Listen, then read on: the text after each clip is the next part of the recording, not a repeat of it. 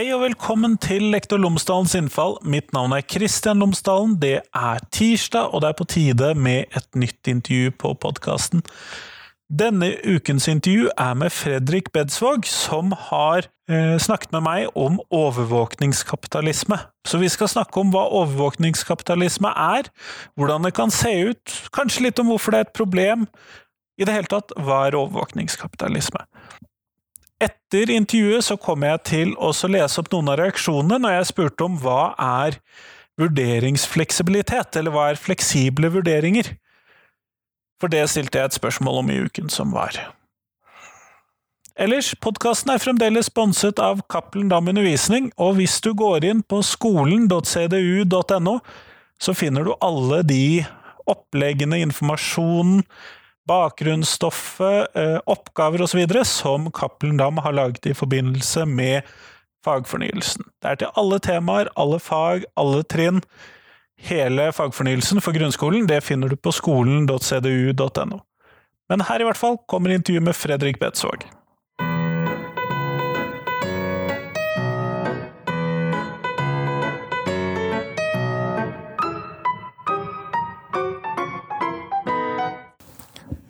Fredrik Bedsvåg, tusen takk for at du har tatt deg tid til meg i dag. Jo, tusen takk. Veldig hyggelig å være her. Før vi starter selve intervjuet, så lurte jeg på om du kunne fortelle lytterne mine tre ting om deg selv, sånn at de kan bli litt bedre kjent med deg. Yes. Fredrik ja, heter jeg. 25 år, fra Namsos i Trøndelag. Og jeg hadde jo tenkt at siviløkonom, uh, det skulle jeg bli. Så da tok jeg turen sørover og flytta til Bergen for eh, seks år siden nå. Tok et kvarter inn i første forelesning i bedriftsøkonomi, så fant jeg ut at her er jo ikke noe for meg. Så da tok jeg til fornuften da, og bestemte meg for å bli lærer. Vet ikke om det var tre ting, men eh, ja. Det høres ut som det var tre ting. Ja, kan jo legge til at lektorstudenter lektorstudent på Universitetet i Bergen i engelsk og sosiologi. Kjempefint. Mm. Flott. Eh, og du har skrevet om et tema i Sosiologisk tidsskrift som heter overvåkningskapitalisme. Ja. Og da, mitt første spørsmål er hva er det? ja, det var jo et fremmed eh, begrep i min verden også, eh, inntil jeg ble introdusert det av, av min veileder i bacheloroppgaven, Kristoffer eh, Kjelsson Vogt. Um, Overvåkningskapitalisme det er et begrep uh, som uh, Harvard-professor Susanna Zuboff får æren av å ha Altså det er som regel hun som blir da, akkreditert det her eh, begrepet. Og det handler rett og slett om en overgang innenfor kapitalisme hvor store selskaper tjener penger på å innhente data om sine brukere, ofte uten deres viten. Så altså en overgang fra den kapitalismen som, hvor de tjener penger på å selge deg ting? Ja. Overvåkningskapitalisme, det er det Zuboff så fint kaller for en ny økonomisk verdensorden, hvor menneskelige erfaringer, atferd, en gratis råvare skjult for kommersiell utvinning av private aktører. Altså din joggetur, handlelista di, hvem du interagerer med, alt den slags type ting, er omsatt til data. Og da, basert på det så kan du også predikere atferden din og tjene penger på det. Nettopp, så dette er en kapitalismevariant som har gått forbi dette her med at eh, vi skal selge deg massevis av eh, tjenester eller eh, varer, de har gått forbi det. De har gått forbi det.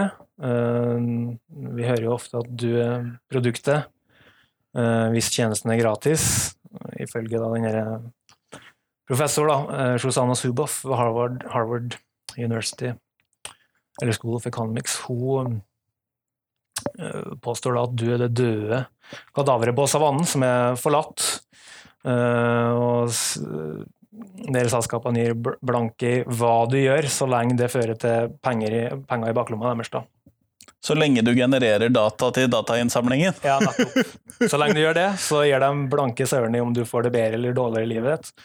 Uh, og ofte så ser man jo da at uh, det, altså, det er ytterpunktene av skalaen hvordan du har det, som ofte genererer mer data. Da, Hvis du på en måte har det på det jevne helt ok, så gjør du så, altså Man ønsker å polarisere da, din uh, sinnsstemning, på, på, på sett og vis. Altså den type clickbait, ragebait-type uh, nettartikler, f.eks., ja. som en del av det? For eksempel, du, du er ute og jogger, du produserer masse endorfiner, runners high. Uh, du synker det fra smartklokka di på telefon. Et eller annet plinge og plange i backend på noe greier.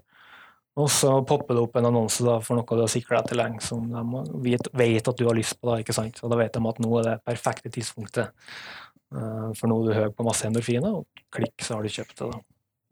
Nettopp. Man tar jo ikke nødvendigvis alltid de beste beslutningene, verken når man er på sitt mest triste eller mest uh, glade. Nettopp. Og at den hele infra infrastrukturen er skjult, da, det kan illustreres med, med to eksempel, som Zuboff da gjør i sin bok 'The Age of Surveillance Capitalism'. Uh, det største eksempelet å brodere ut uh, er Pokémon Go, som da vi alle nærmest for og dilla dalla rundt omkring i byene og opplevde nostalgiske barndoms... Eller for, eller for, mine barn, da, som da faktisk opplevde barndom. ja, nettopp. Ett av to. Um, og det virka som et helt timeless spill, ikke sant. For å samle Pokémon og konkurrere med hverandre og alt er fint og flott. Men uh, på baksida så er det jo noe helt annet. Uh, på utsida så er det fronta som at selskapet bak det hele heter Niantic Labs, og at det er liksom litt sånn innovativt spillselskap som spiller på gammel nostalgi, eller ja, lager barndom for barn i dag. Mens i realiteten så er det jo bare et eneste stort uh, datainnsamlingsscheme, hvor man f.eks. kafeer, barer og restauranter har tjent gode penger på å etablere pokestops på strategiske plasser. da. Sånn fra vinduet kunne du sitte innenfor og Ja, det, eller for eksempel jeg tror Starbucks og McDonald's er som kjent uh, gode penger på å annonsere og dele ut gratis, gratis ting i, i gåseøyne for, for, å lokke med seg uh, spillere av Pokémon GO da, til sine restauranter og kafeer.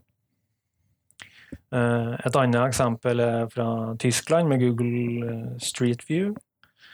Uh, hvor Google har vært tatt med buksa ned for at den bilen som kjører rundt, den ikke, tok ikke bilder bare av veiene, men den saumfarte også nettverksadresser IP-adresser og alt som hører med til det, i samme slengen.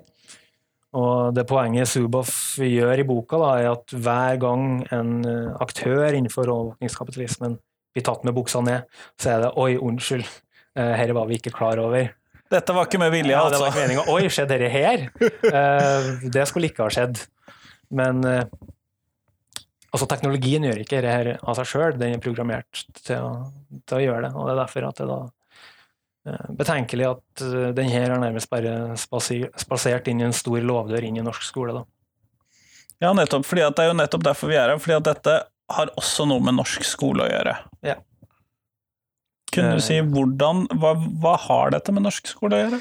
Ja, uh, Den bacheloroppgaven jeg skrev da, i samarbeid med Kristoffer Kjelsson Vogt på Universitetet i Bergen vi, eller uh, Problemstillinga for oppgaven var hvordan kan sosiologisk teori om overvåkningskapitalisme da, belyse bruken av Google sine tjenester i norske klasserom. Og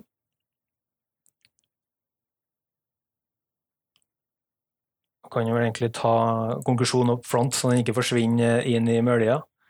Det er at I lys av denne teorien til Zuboff og annen forskningsbasert kunnskap om overvåkningskapitalisme, så fremstår bruken av f.eks.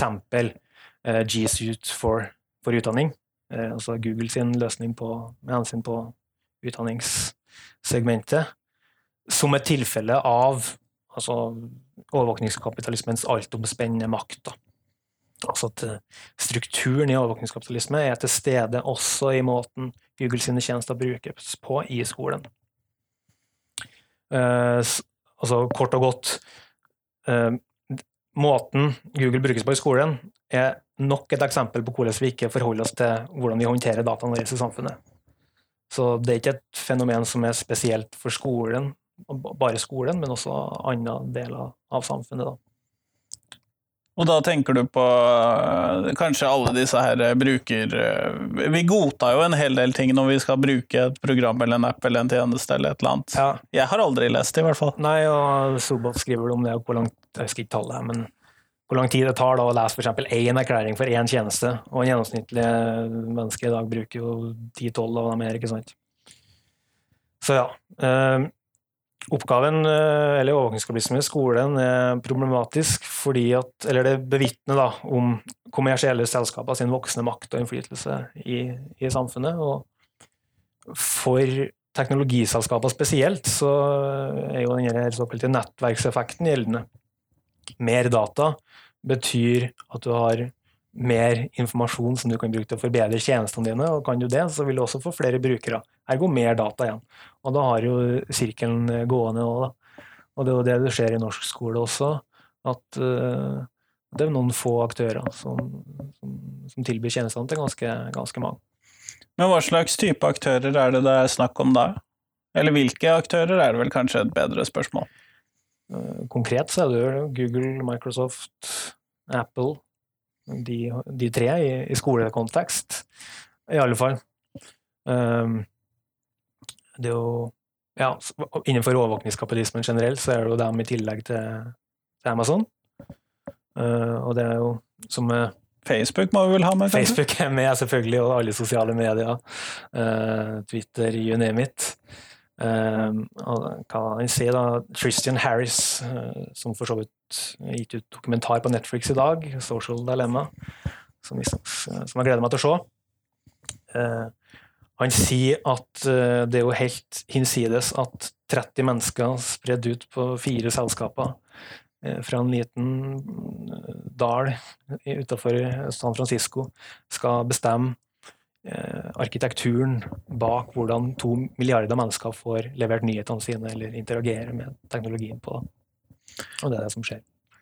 Men når vi da har disse i skolen, hvordan er det de Eller hva er det de samler inn om mine barn, da? Det er vel kanskje det mest relevante spørsmålet. Hva er det de driver med? Ja, det Altså, det de gjør, er jo at Eller det som skjer For å si det, da. Tjenestene til Google, for eksempel, er jo ekstremt gode. De er troverdige, de har høy grad av sikkerhet, og det funker, du kan stole på det. Poeng, pro, problemet ved det er at vi må bare ta Google sitt ord på det gode, og, og vi må bare rett og slett bare stole på dem, på hva de sier. Men som Suvov problematiserer, så er det uklart uh, hva Google mener med f.eks. vi lagrer ikke informasjon om dine barn, dataene er deres, uh, og den type ting. Det blir veldig det blir tilslørt av hva det egentlig som menes med informasjon og data. Så brukervilkårene er, er, er uklare, og det, altså, hvor verdien ligger, er liksom ikke den spesifikke dataen, altså skolestilen til Ingvild på 11 år, men det ligger i metadataen, altså data om dataen. Hvordan hun bruker tjenesten, hvor lenge bruker hun tid på dokumentet, hva gjør hun etter dokumentet, går hun inn og lager en presentasjon, jobber hun med flere, hvilke skrivefeil gjør hun, og den type ting. Det, det, lagres, og det ser Google de gjør, og det er nødvendig for å kunne forbedre tjenestene.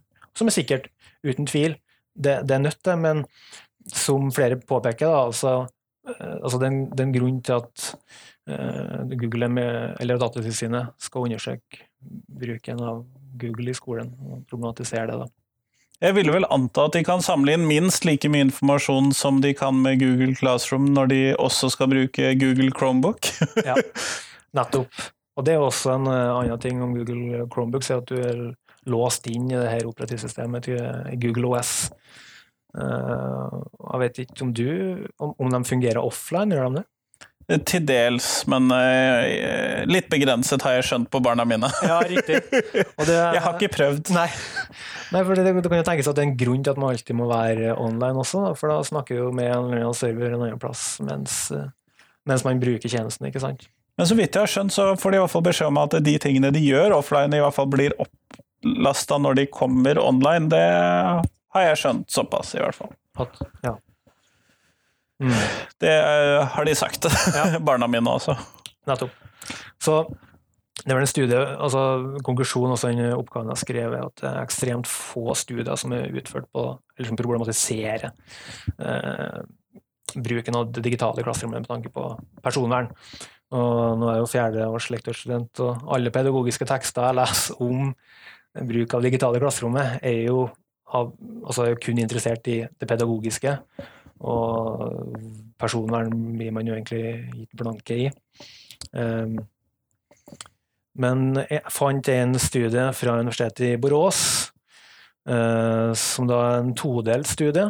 Uh, det første er en retorisk analyse, og det andre, del to av studiet, er kvalitative intervju med 30 respondenter fra ulike svenske skoler. Så den retoriske analysen, del én, konkluderer da med at eh, Googles forretningsmodell er forsegla i deres tjenester for utdanningssegmentet. Eh, som jeg sa, sa tidligere, så, så, er det uklart hva de mener med begrepene når de sier at sine, eller, elevene sine data er trygge, at uh, vi gjør alt vi kan for å passe på dem. Men kritikken mot det igjen er på en måte at det, det ligger ikke noe økonomisk profitt i å selge skolestilen til Ingvild, men uh, det ligger mer i å se hvordan å bruke det, ikke sant, metadataen. Uh, og del to av studiet, som er fra et mer sånn pedagogisk perspektiv konkluderer med at de umiddelbare fordelene ved å bruke de tjenestene melder seg umiddelbart da, til, til, lærere spesielt. ikke sant? At det er så enkelt å gi oppgaver, eh, følge opp og, og you name it. Som det sikkert uten tvil er. Jeg vet ikke om du har noe erfaring med det? Nei, jeg bruker veldig lite Google til det, men jeg bruker jo andre den typen systemer, sånn at eh, det kan jeg jo for til dels kjenne meg igjen i. Mm. Men hvis vi da Men hvorfor skal de vite dette om mine barn eller Ingvild på elleve år? Hvorfor skal de vite disse metainformasjonene? Hvilken interesse har de av det? Teknologien er jo, er, jo, jo rigga av det. Eh, og nå kan det også tenkes at grunn, grunn til at alle aktørene ser på skolen, er jo at det er et ekstremt stort segment. Det pushes på noe i fagfornyelsen, ikke sant? algoritmisk tenkning skal inn. Så det blir jo lagt mer og mer vekt på altså digitale ferdigheter skal, skal, skolen fasilitere for, legge til rette for at elevene skal tilegne seg. Og da må det jo eh, rett og slett noen produkter inn i klasserommet. Og there you have it, tilbud etterspørsel, ikke sant. Men det, det, mange ønsker seg, da, at, at man heller måtte ha funnet en statlig løsning på det hele, som, eh, hvor ok, man setter seg ned og så tenker liksom Hvilke behov har vi egentlig i skolen? Ut ifra hva som skal læres og hvordan kan vi nå det. Og hvilke verktøy kan legge til rette for det. Mens nå ligger ansvaret på kommunenivå. Og der, som Bjørn Erik Thon i Datatilsynet sier, der er nødvendigvis ikke kompetansen så god, da. Og det, eh, nå skal ikke jeg tråkke noen på tærne, men jeg ringte min egen hjemkommune Namsos, for jeg fikk nyss i at de skulle bruke fem millioner kroner på å kjøpe inn nettbrett til elevene. Så jeg ringer ringer kommunen og spør om hva som er kjøpt inn. da. Ja, nei, det var da Det var da en uh, iPhone uh, Nei, iPad. Ja, iPad var det, med 32 G GB. Ikke sant? Så hørte på måten det var, det var snakka om, at her er ikke noe mye kompetanse ut og går, da. Uh, ja.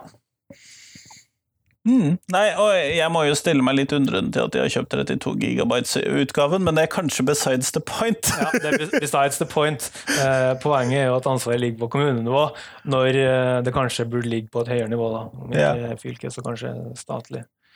Eh, altså, en annen ting er jo at det er jo naturlig eh, altså at å, å, å, bruke en iPad er ganske forskjellig fra å bruke en Chromebook, f.eks. Og tall fra monitor. Altså en undersøkelse i regi av NTNU peker på at 41 av eh, var det fjerde klasse, da, tror jeg? Ja, 41 av fjerde trinn bruker Chromebook som sin primære datamaskin. Tallene for 7. og 9. er henholdsvis 39 og 36. Så da blir det spennende å se da, over tid, ikke sant? for det er noen som har en hypotese om at tidlig bruk for en bestemt type tjenester vil konvertere i senere brukere. Så der har du også en en grunn til at eh, disse aktørene er også interessert i skolesegmentet. Da. Det er for å få fremtidige konsumenter av produktene deres. Mm, sånn at de kan tjene fremtidige konsumenter, det kan man sikre seg gjennom at man bruker enten Google uh, sine tekstprogrammer eller Apple sine datamaskiner eller lignende, uh, og de kan samle inn informasjon om brukerne. Mm. Er det et problem at de samler inn denne informasjonen? Uh, det er det som er på en måte problematikken i det hele, at nå er det jo ikke nødvendigvis personsensitive data som lagres ved hjelp av f.eks. tjenester som Google Classroom og den type ting. Da. Men uh, uh, stilene til elevene er det, og så er det jo i tillegg da det såkalt metadata som Zuboff skiller med. Da. Altså den konkrete stilen til Ingvild på 11 år er nødvendigvis ikke så Google som er veldig interessert i. Men det er kanskje mer om hvordan hun taster Eh, hvor lang tid å bruke på dokumenter, altså innhenting av såkalt metadata, da, som den, hvor den virkelige gullgruva er. Og når Google gikk når Google først skjønte det her, da, som Zuboff snakker om det, da virkelig de begynte å tjene printpenger rundt årtusenskiftet. Nettopp sånn. Dette handler egentlig ikke så mye om, som du sa, stilen til Ingvild på elleve år, men det handler om hvor hun er, hva hun skriver om, kanskje stikkord, eller? Ja, hvem, hvem, hvordan bruker hun tjenesten? Hvor lenge er hun på tjenesten? Hvilke feil begår hun ofte med, med, tanke på skriving? ikke sant? Google setter dem inn til data om brukerne kun for å forbedre tjenestene sine, ikke sant? men det er veldig uklart for oss hva det innebærer. Um, ja. Men når vi da har disse som en del av norsk skole, så for du sier Google Classroom, det er én ting vi bruker det til. Er det noen andre måter disse, eller denne typen tjenester eller aktører er inne i norsk skole? Hvis du tenker på utover Google? Ja, utover Google Classroom, for eksempel. YouTube er jo selvfølgelig en klar bestanddel i norsk skole. Eh, men det er fortsatt Google. Ja. Um, her er jo et ekstremt komplekst uh, emnefelt, eller tema. Og vi vet ikke hvordan det fungerer. Altså, nå eh, snakkes det f.eks. mye om AI og kunstig intelligens og hele den bunchen der. Og det viser seg da, det hører vel at en eller annen dataekspert som mener at det har vært mer sikkert hvis vi hadde tasta en setning inn og hatt et passord når vi skal logge inn på ulike tjenester. For at den kunstig intelligens er så ømfintlig at den kan spore, den kan skille måten jeg og du taster på når vi skriver samme setninger på tastaturet vårt. Uh, andre eksempler er at eh, AI klarer å, klarer å kjenne igjen to brukermønster hvis man er logga inn på to forskjellige brukere, f.eks. For eksempel. sånn at måten, da, hvis du skal bruke Ingvild 11 år, bruke uh, sin Google-konto på, kan da korreleres f.eks. med måten å bruke på sin private konto. Angivelig. Uh, det er i hvert fall det, kanskje det man er redd for, da. Ja. Eller for å, for å si det enkelt, da. Uh, det skolen egentlig blir når man bruker denne type tjenester, er jo en, at man modifiserer da, barns skolearbeid, kort og godt. Og det er problematisk. I og med at norsk grunnskole er offentlig og obligatorisk, så er det vanskelig for elever og lærere, ta, eller elever og foreldre ikke minst, å ta informerte beslutninger om hva bruken av mer tjenestene her egentlig innebærer, da. På, på godt og vondt. Nettopp. Sånn at uh, gjennom det at norsk skole da bruker Office 365 og Google Classroom, og nå sliter jeg med å huske den eh, siste leverandøren. Det var Amazon, og så var det Ja, det jo Apple, da. iPads, for eksempel. Ja, og iPad. Ja, selvfølgelig. iPader er jo selvfølgelig en del av dette. ja, ja, ja. Uh, så kan de jo da samle inn informasjon om barna våre helt fra de begynner på skolen, da, hvis jeg forstår deg riktig. Mm. Eller kanskje også før, men i hvert fall fra da. Ja. Og det er jo tidligere eksempler på, altså før her i hele tatt det var snakk om overvåkning av barn i skolesammenheng, så, så ble jo bl.a. elever oppfordret til å videreføre skolekontoen sin, til å altså, transformere den om til en privat konto. ikke sant? Hvorfor det? Jo, for da har du data fra, fra mennesker er seks år gammelt. ikke sant? Og da slipper du å koble de sammen? Ja, nettopp. Du kan bare videreføre. Da har du masse data backend som da du kan bruke til å predikere atferd enda mer, da, innhente mer informasjon. ikke sant? Um, ja, for ellers så ville man jo kanskje måtte i hvert fall lete opp da min andre konto, og så måtte du koble de sammen før du kunne si det at eh, her har vi masse år med data. Ja, nettopp samme person. Um, ja. Men når vi da eh, slipper da Facebook og Apple og Microsoft og Google inn i skolene, eh, har vi tenkt godt nok igjennom det, tror du? Nei. Og det er vel det også Bjørn Erik Thon i Datatilsynet har gått ut og sagt, at uh, det, vi har ikke tenkt nøye godt igjennom hva det innebærer å slippe uh, ja, Nå blir jo Google den store stygge ulven her, da, men det er jo også fordi at De er jo verdens største er verdens største aktør, og 70% av trafikken på nettet går, har et eller annet med Google å gjøre. Så alt av internettrafikk eh, vil berike eh, Google, og det er derfor at de f.eks. er villige til å bla opp mm, flere mm, ja, store summer for at de f.eks. tilbyr gratis internett på Starbucks sine kafeer, ikke sant? for da har du muligheten til å se hva som foregår på kafeene dine. da. Nettopp, nettopp. Og, da, og jeg mistenker jo at skolene ikke betaler fullpris for disse dataproduktene til, fra f.eks. Google. Vil si, ikke betale kostpris heller. Altså at Google bare tilbyr noe ut til skolene for en sum, eller til og med gratis, Mm. men dette ikke nødvendigvis i seg selv er nok til å betale for tjenesten. Ville jeg tenke meg. Ja. Men når vi da eh, Når vi da lar fordi at hvis jeg sier nei til denne avtalen om denne Chromebooken eller denne iPaden, så eh, stiller jo mitt barn eh, i en litt dårligere situasjon i skolen, hvis det i det hele tatt er mulig å faktisk si nei. Ja, det er et spørsmål. I hvert fall. Ja.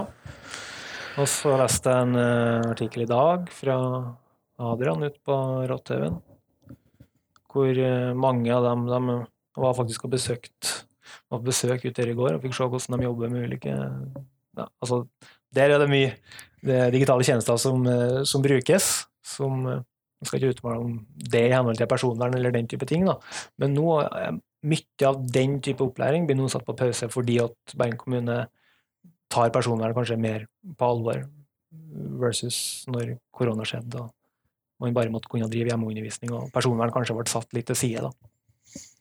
Ja, for det er jo litt interessant. Eh, når vi da måtte starte denne hjemmeundervisningen, så ble vi jo bare Få dette til å funke! Ja, yeah, right. Altså, nå må vi, hva, hva kan vi gjøre for å få business as usual, rett og slett, ikke sant? Um, og det gikk kanskje på bekostning av uh, personvern.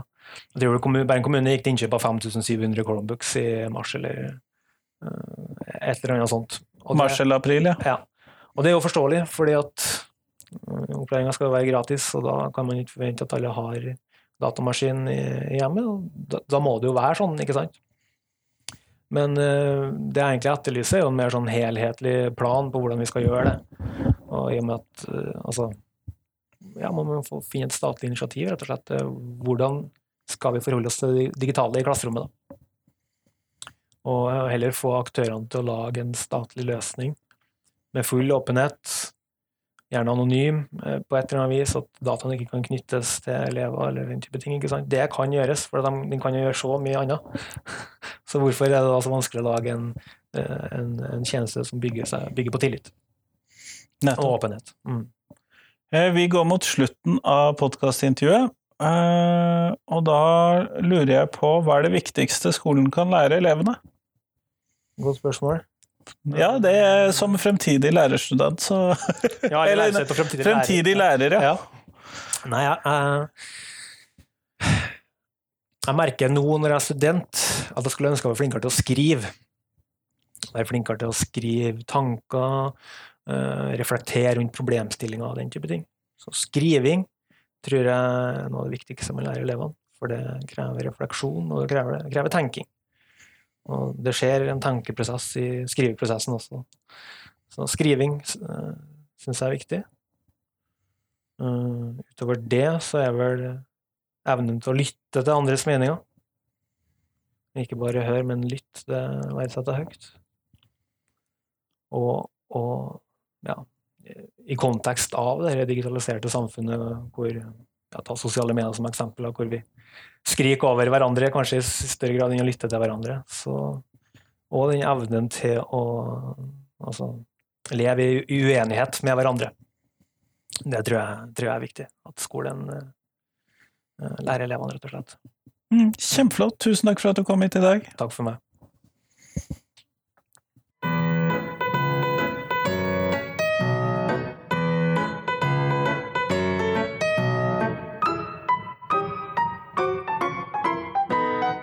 Tusen takk til Fredrik, og tusen takk til deg som hørte på. Nå er det noen dager igjen til neste podkastintervju. Det gleder jeg meg til, men i mellomtiden så hadde jeg håpet at du kunne dele podkasten min med noen, sånn at flere fikk høre om podkasten. Og tips meg gjerne hvis du har noen som eh, du vil at jeg skal prate med, det blir jeg veldig glad for. Ellers, så, som jeg lovet før episoden, så skulle jeg lese opp reaksjonene på hva er fleksible vurderinger for deg? Hashtag vurderingsfleksibilitet, som jeg stilte spørsmål om i uken som gikk. Og Cecilie Udberg Helle, som har vært med på podkasten tidligere, skriver en mulighet å avgi svar som lar eleven føle mestring og gir eleven de beste sjanser for å få formidlet sin kunnskap. Om det er noe så enkelt som å supplere en skriftlig prøve med en muntlig, eller få velge en helt annen vurderingsform enn resten av klassen, blir jo litt ulikt fra gang til gang og elev til elev. To, så skriver hun mulighet for lærer og elev til å flytte vurderingstidspunktet til det som passer dem best, ikke alltid så enkelt i systemer med sentralt bestemte blokkprøver i bestemte fag og studieretninger. Eller tre, frihet for lærer til å velge den vurderingsform og hyppighet hen anser som mest gunstig for sine elever.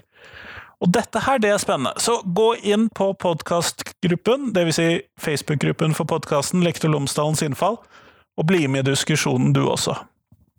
Den er postet den 20. november, så gå tilbake, blada nedover, så finner du hva er fleksible vurderinger for deg. Jeg håper du blir med. Men i hvert fall, fram til fredag så får du ha en god uke. Hei, hei!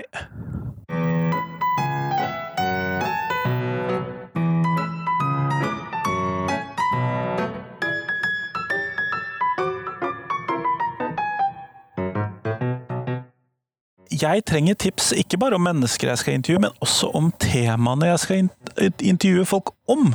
Så send meg gjerne tips til et tema, da trenger du ikke nødvendigvis ha tenkt ut hvem jeg bør intervjue.